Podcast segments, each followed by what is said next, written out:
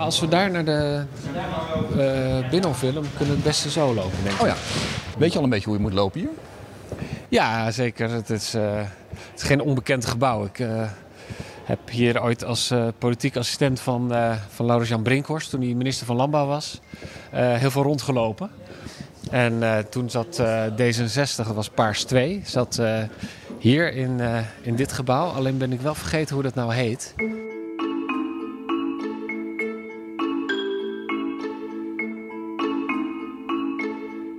Hij wist al lang hoe het hier werkt, want hij had hier al jaren rondgelopen. Maar uiteindelijk dreef idealisme Tjeerd de Groot terug naar het Binnenhof. Maar nu als Kamerlid voor D66.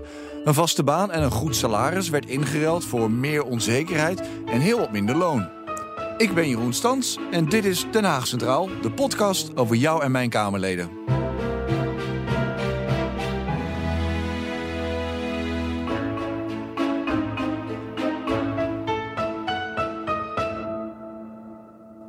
Wie is Tjeerd de Groot eigenlijk?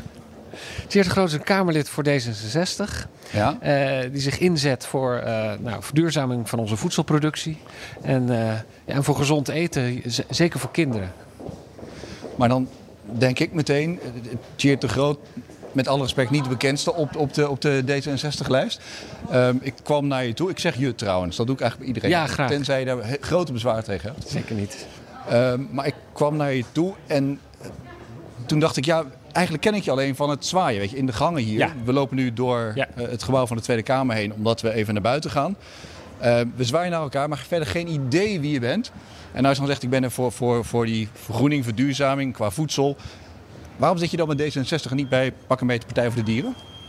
Nou, omdat je hebt, je hebt partijen die in deze uh, Kamer uh, bereid zijn om vanuit een hoog ideaal kleine stappen te zetten. Ja. En dus ook compromissen te sluiten. Ja. En je hebt partijen die houden alleen het hoge ideaal. En die zijn daardoor niet in staat om ook in de werkelijkheid wat uh, te betekenen. Dat klinkt nog heel abstract. Heb je daar dan nou, gewoon ja. een voorbeeld van? Nou, voorbeelden is natuurlijk van. ik ben met een inhoudelijk. Wat mij opviel is, is dat de, de, het debat over landbouw en voedsel heel erg gepolariseerd is. Ja, He, dus... we lopen ondertussen, qua akoestiek klinkt het anders. We lopen nu het deel van de VVD in. Hier mag je als D66 gewoon, gewoon komen, hè? want de coalitiepartner... Ja, dus dat... we, we, mogen overal komen, dus dat, uh, dat is het voordeel van D66. Maar je, uh, je... dat kan ook als een, niet als een compliment worden uitgelegd, hè? Nee. Allemans vriend. Wij zijn bereid met iedereen uh, te spreken en, en stappen te zetten. En daarom hebben we ook, uh, ook dit kabinet, dat niet een voorkeurskabinet is, maar waar we wel nee. uh, goede dingen mee kunnen doen. Ik zie aan je loopje, ik volg bijna, dat je heel goed bekend bent inderdaad in dit, in dit, dit nou, Als we naar de fontein moeten, moeten we daar de andere kant op nog. Dan lopen we gewoon door deze gang nog even. Sorry, maar het voorbeeld waarom je dan bij deze partij aan het juiste adres bent. Ja, uh, het debat over, over voedsel uh, en landbouw is heel sterk gepolariseerd. Je noemde de Partij voor de Dieren, die uh, aan de ene kant van de zaal de grote problemen benoemt, die er zijn, ja. die er absoluut zijn. Aan de andere kant van de zaal die, die benadrukt dat we de beste boeren hebben. En dat hebben we ook. Ja. Dus iedereen heeft gelijk. De andere kant van de zaal is dan CDA in dit CDA, geval. CDA, VVD. En iedereen heeft gelijk en iedereen heeft nog eigen cijfers om dat eigen gelijk aan te tonen. Ja. Nou, dat gaat lekker. Want ondertussen gebeurt er dus helemaal niets. Maar dat is Den Haag, denk ik dan. Ja, maar da daar, wil, daar wil ik eens uitkomen. En uh, je ziet dus dat er gewoon een enorme impasse is. Want ondertussen gaan de problemen gewoon door. Uh, klimaat ja. en landbouw. We moeten nog eentje uh, naar beneden. We zijn op de eerste nu. Klimaat en landbouw, het hele fosfaatproblematiek, ammoniak, het hele scheikundige tabel, zeg maar, die komt langs. En ja. overal hebben we wel een uitdaging. Ja. Nou, um, dus het is mijn ambitie om met een uh, uh, inhoudelijk idee vanuit D66, want we zijn altijd van de inhoudelijke ideeën, om te komen naar een, uh, een landbouw, een voedselproductie die goed is voor de boer, maar ook goed is voor de aarde. En dat inhoudelijke idee heet kringlooplandbouw. Nu lopen we echt door de, door de achtergangetjes Ja, hier ben ik dus echt nog nooit VVD. geweest. Volgens mij hebben we hier geen uitgang. Nee, want ik, ik zou bovenlangs zijn gelopen en dan die hele mooie trap naar beneden. Loop maar dan maakt niet uit. terug. Kijk, we kunnen ook gewoon... Ik werk nu ook bijna vier jaar fulltime. Je kunt hier af en toe gewoon nog verdwalen. Dat heeft ook zijn Ja, charme. ja. Maar ik onderbrak je wederom in je verhaal.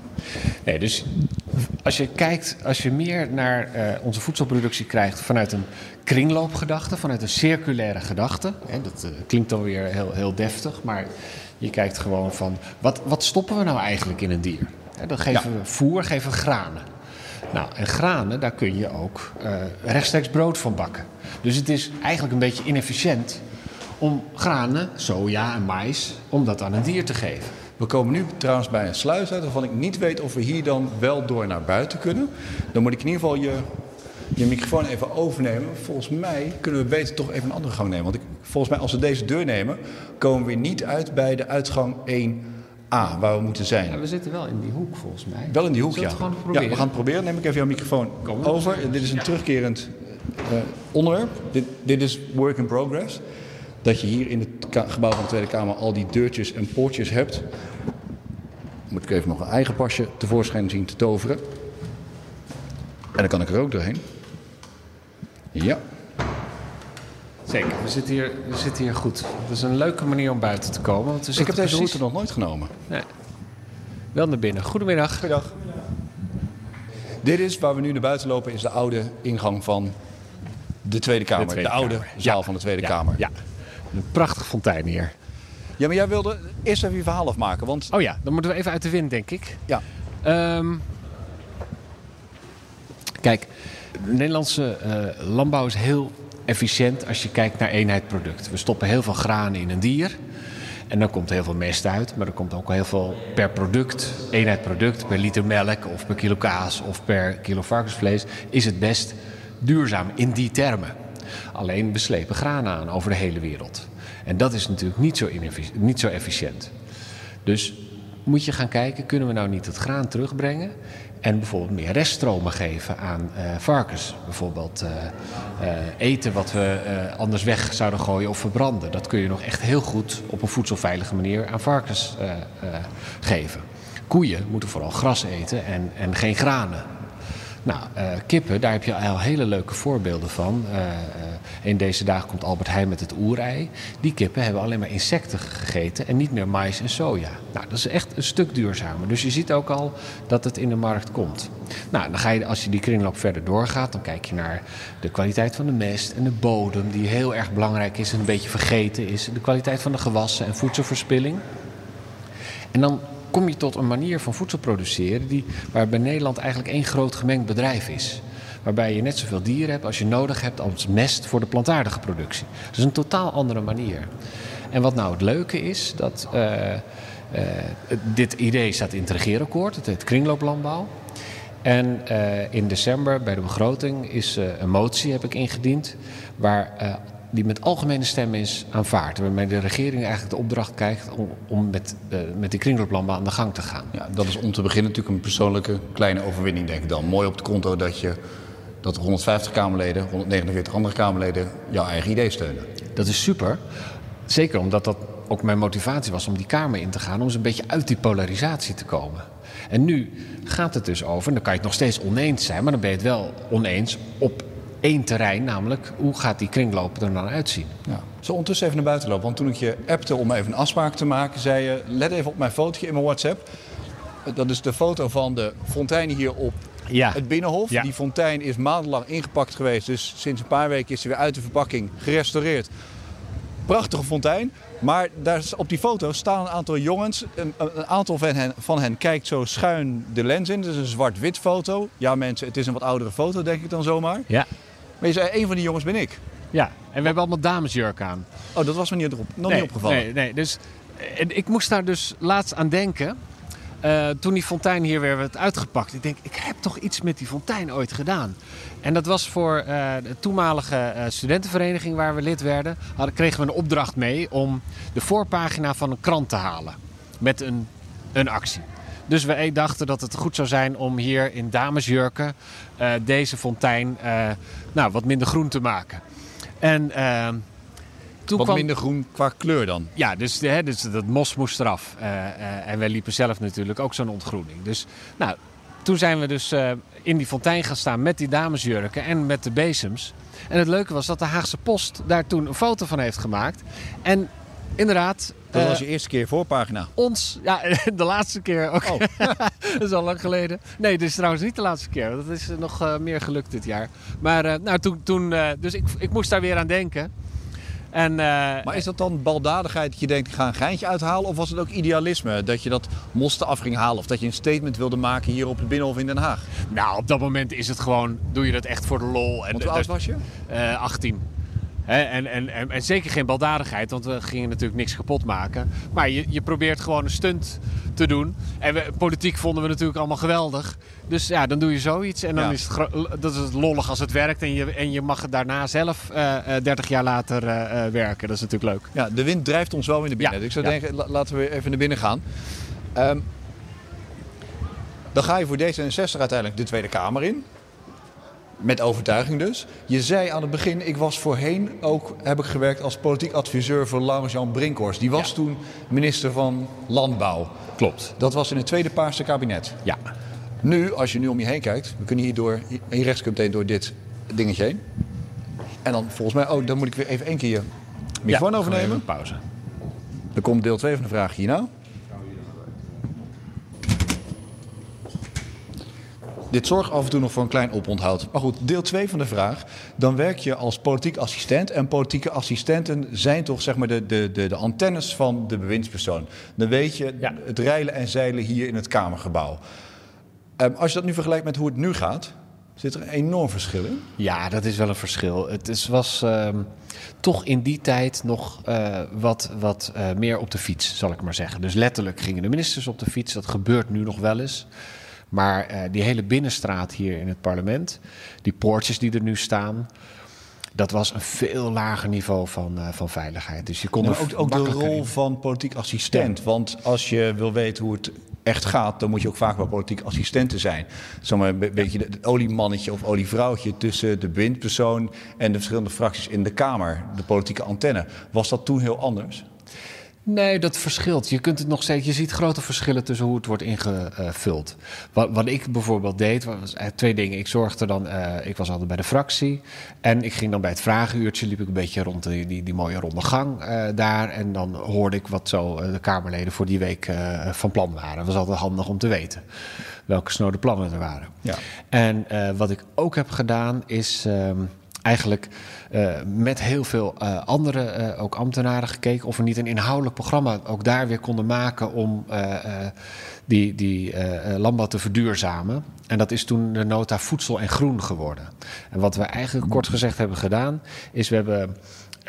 het was altijd een ministerie van het aanbod van landbouw, een aanbod van natuur, een beetje boerengericht, cliëntengericht. En het moest een ministerie van algemeen natuur uh, algemeen belang worden. Ja, er moest een enorme draai worden gemaakt. Dus ja, dan ga je zeggen, nou, uh, wij staan voor de consumenten, voor veilig voedsel, een mooie groene leefomgeving. Dus uh, het moest niet landbouw, natuur, visserij worden, maar het moet voedsel en groen worden. Naamswijziging toen voorgesteld, maar dat is helaas niet gelukt. Dus dat was eigenlijk al een hele mooie uh, manier om uh, letterlijk de boel op zijn kop te zetten en ook het beleid op zijn kop te zetten. Ja, maar als politiek assistent moet je dingen voor elkaar zien te krijgen ja. en je moet ook dingen zien te voorkomen. Ja. Wat heb je daar dan van opgestoken dat je nu als Kamerlid meeneemt? Je zit namelijk aan de andere kant van het touwtje, letterlijk. Nou, dat als je uh, in, in dingen gelooft dat die op een bepaalde manier moeten gebeuren, dat je daar ook echt aan vast moet houden.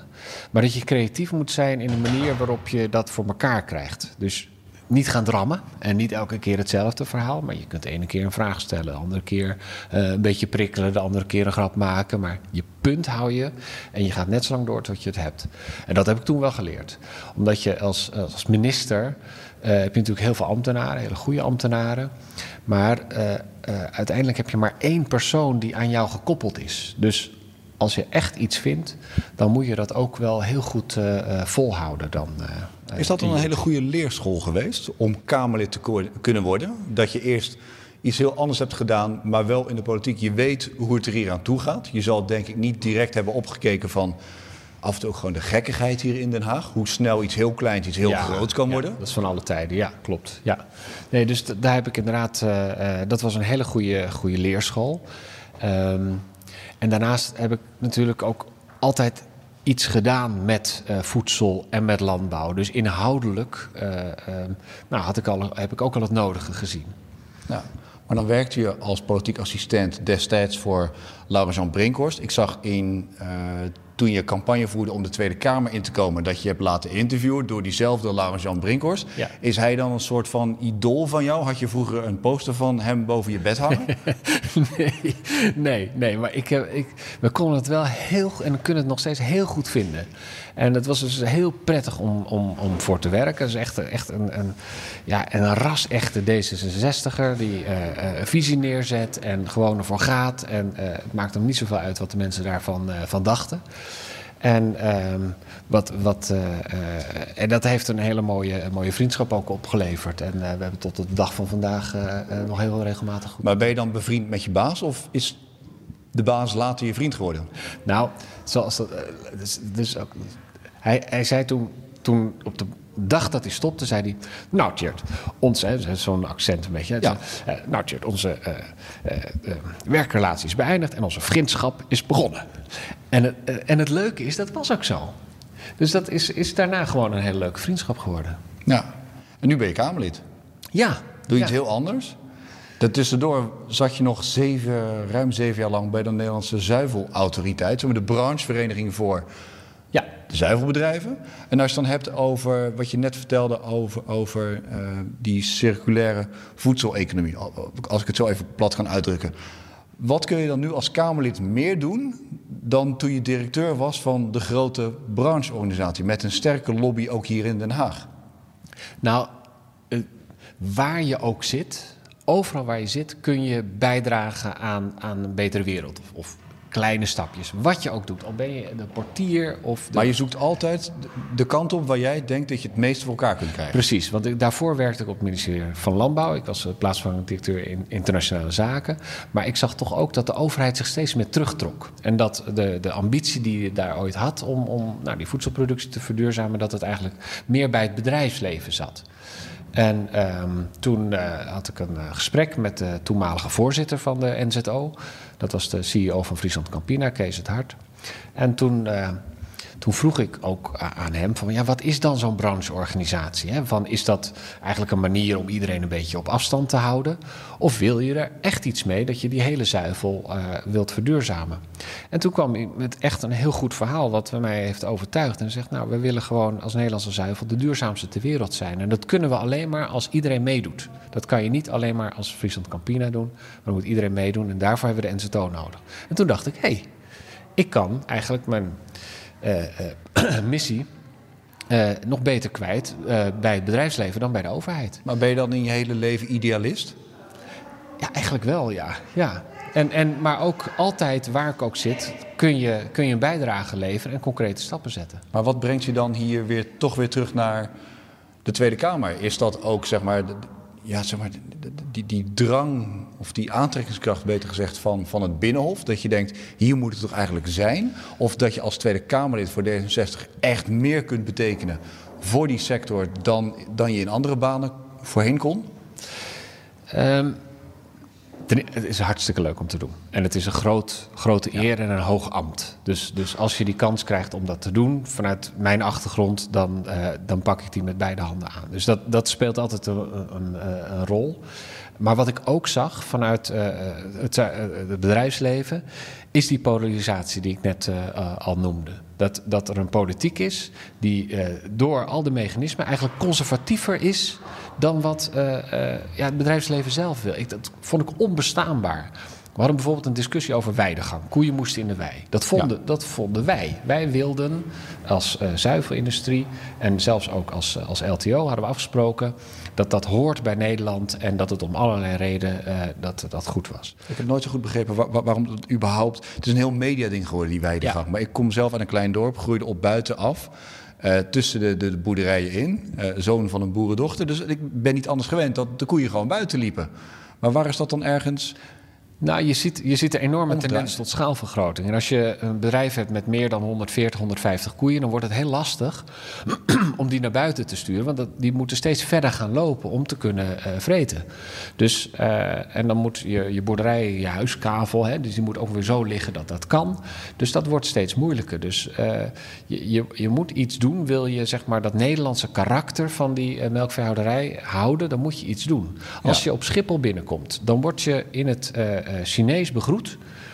door een, een, mooie plakkaat en een boer in een weiland met oud hoog gras. Dus niet dat Engelse maaigras of rijgras, waardoor alle vogels verdwijnen en insecten, maar oud gras, hoge grondwaterstand, een, een relatief klein bedrijf, gezin koeien in de wei. Heb je daar dan een, dat is het plaatje dat we in het buitenland verkopen. Maar dan moet het wel waar zijn. Maar heb je dat plaatje dan ook naast je bureau staan?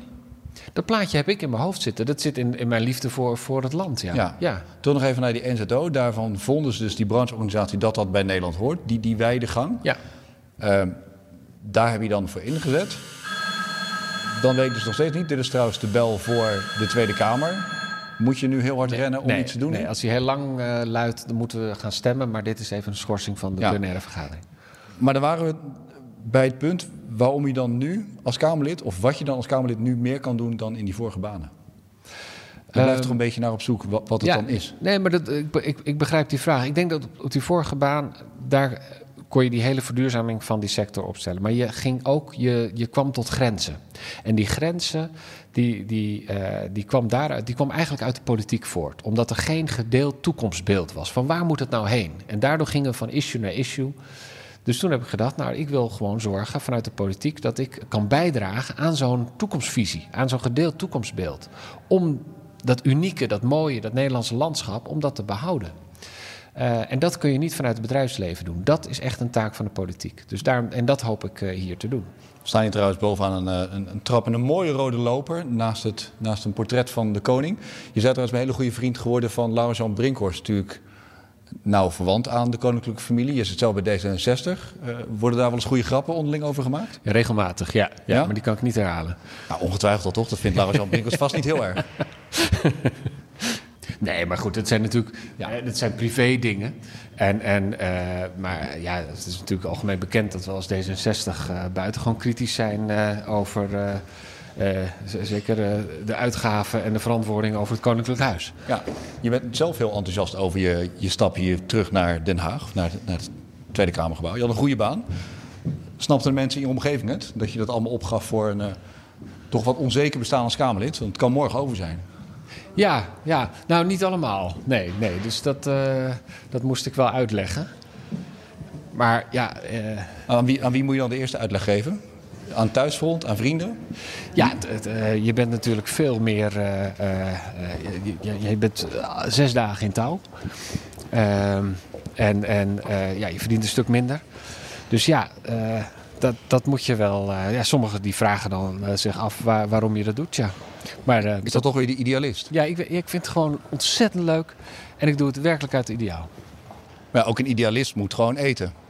Ja, maar zo, zeggen, dan, dan is het maar zo slecht rond, is het ook maar... niet natuurlijk. Ik bedoel, je kunt er goed van leven. Maar dan zit jij op een portefeuille. Het heet dan hier in Den Haag een portefeuille. De onderwerpen waar jij over gaat. Ja. Die springen niet meteen in het, het meest in het oog. Nee. Niet flauw bedoeld, maar is dat dan juist goed of slecht? Kun je op de achtergrond meer voor elkaar krijgen? Of juist minder, omdat niet constant de spotlights erop staan? Ja, nou, ten eerste ben ik niet de politiek ingegaan om bekend te worden. Um, en in de tweede plaats is het leuke van dat ik dit bij D66 mag doen, is dat wij uh, niet een hele grote boerenachterban hebben. He, en, uh, dus je bent, meer, je bent onverdacht? Ik ben on onafhankelijk ook. Ik ben onafhankelijk, want ik kan echt gewoon doen wat, uh, wat ik denk wat goed is voor, voor, nou ja, voor de boer en voor de aarde. Um, en je ziet dat andere partijen met een grote achterban uh, uh, op dat gebied toch zeker ja, niet altijd tot, tot de beste beslissingen komen. Vanwege nou ja, de, de mogelijke gevolgen die dat kan hebben onder hun kiezers. Is het dit allemaal waard tot nu toe? Absoluut. Ja, zeker. Elke dag. Genieten dus. Nou ja, zeker. Ja, ik geniet, ja. ik geniet ervan. En we lachen een hoop af. En uh, uh, we, doen, uh, we doen nuttige dingen. We doen ons best om, om de wereld een beetje beter te maken. Ja. Dankjewel. Graag gedaan.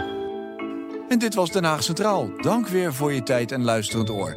Tips en opmerkingen, ze blijven uiteraard van harte welkom via stans.bnr.nl of via Twitter, waar ik te bereiken ben op @jeroenstans. Tot volgende week.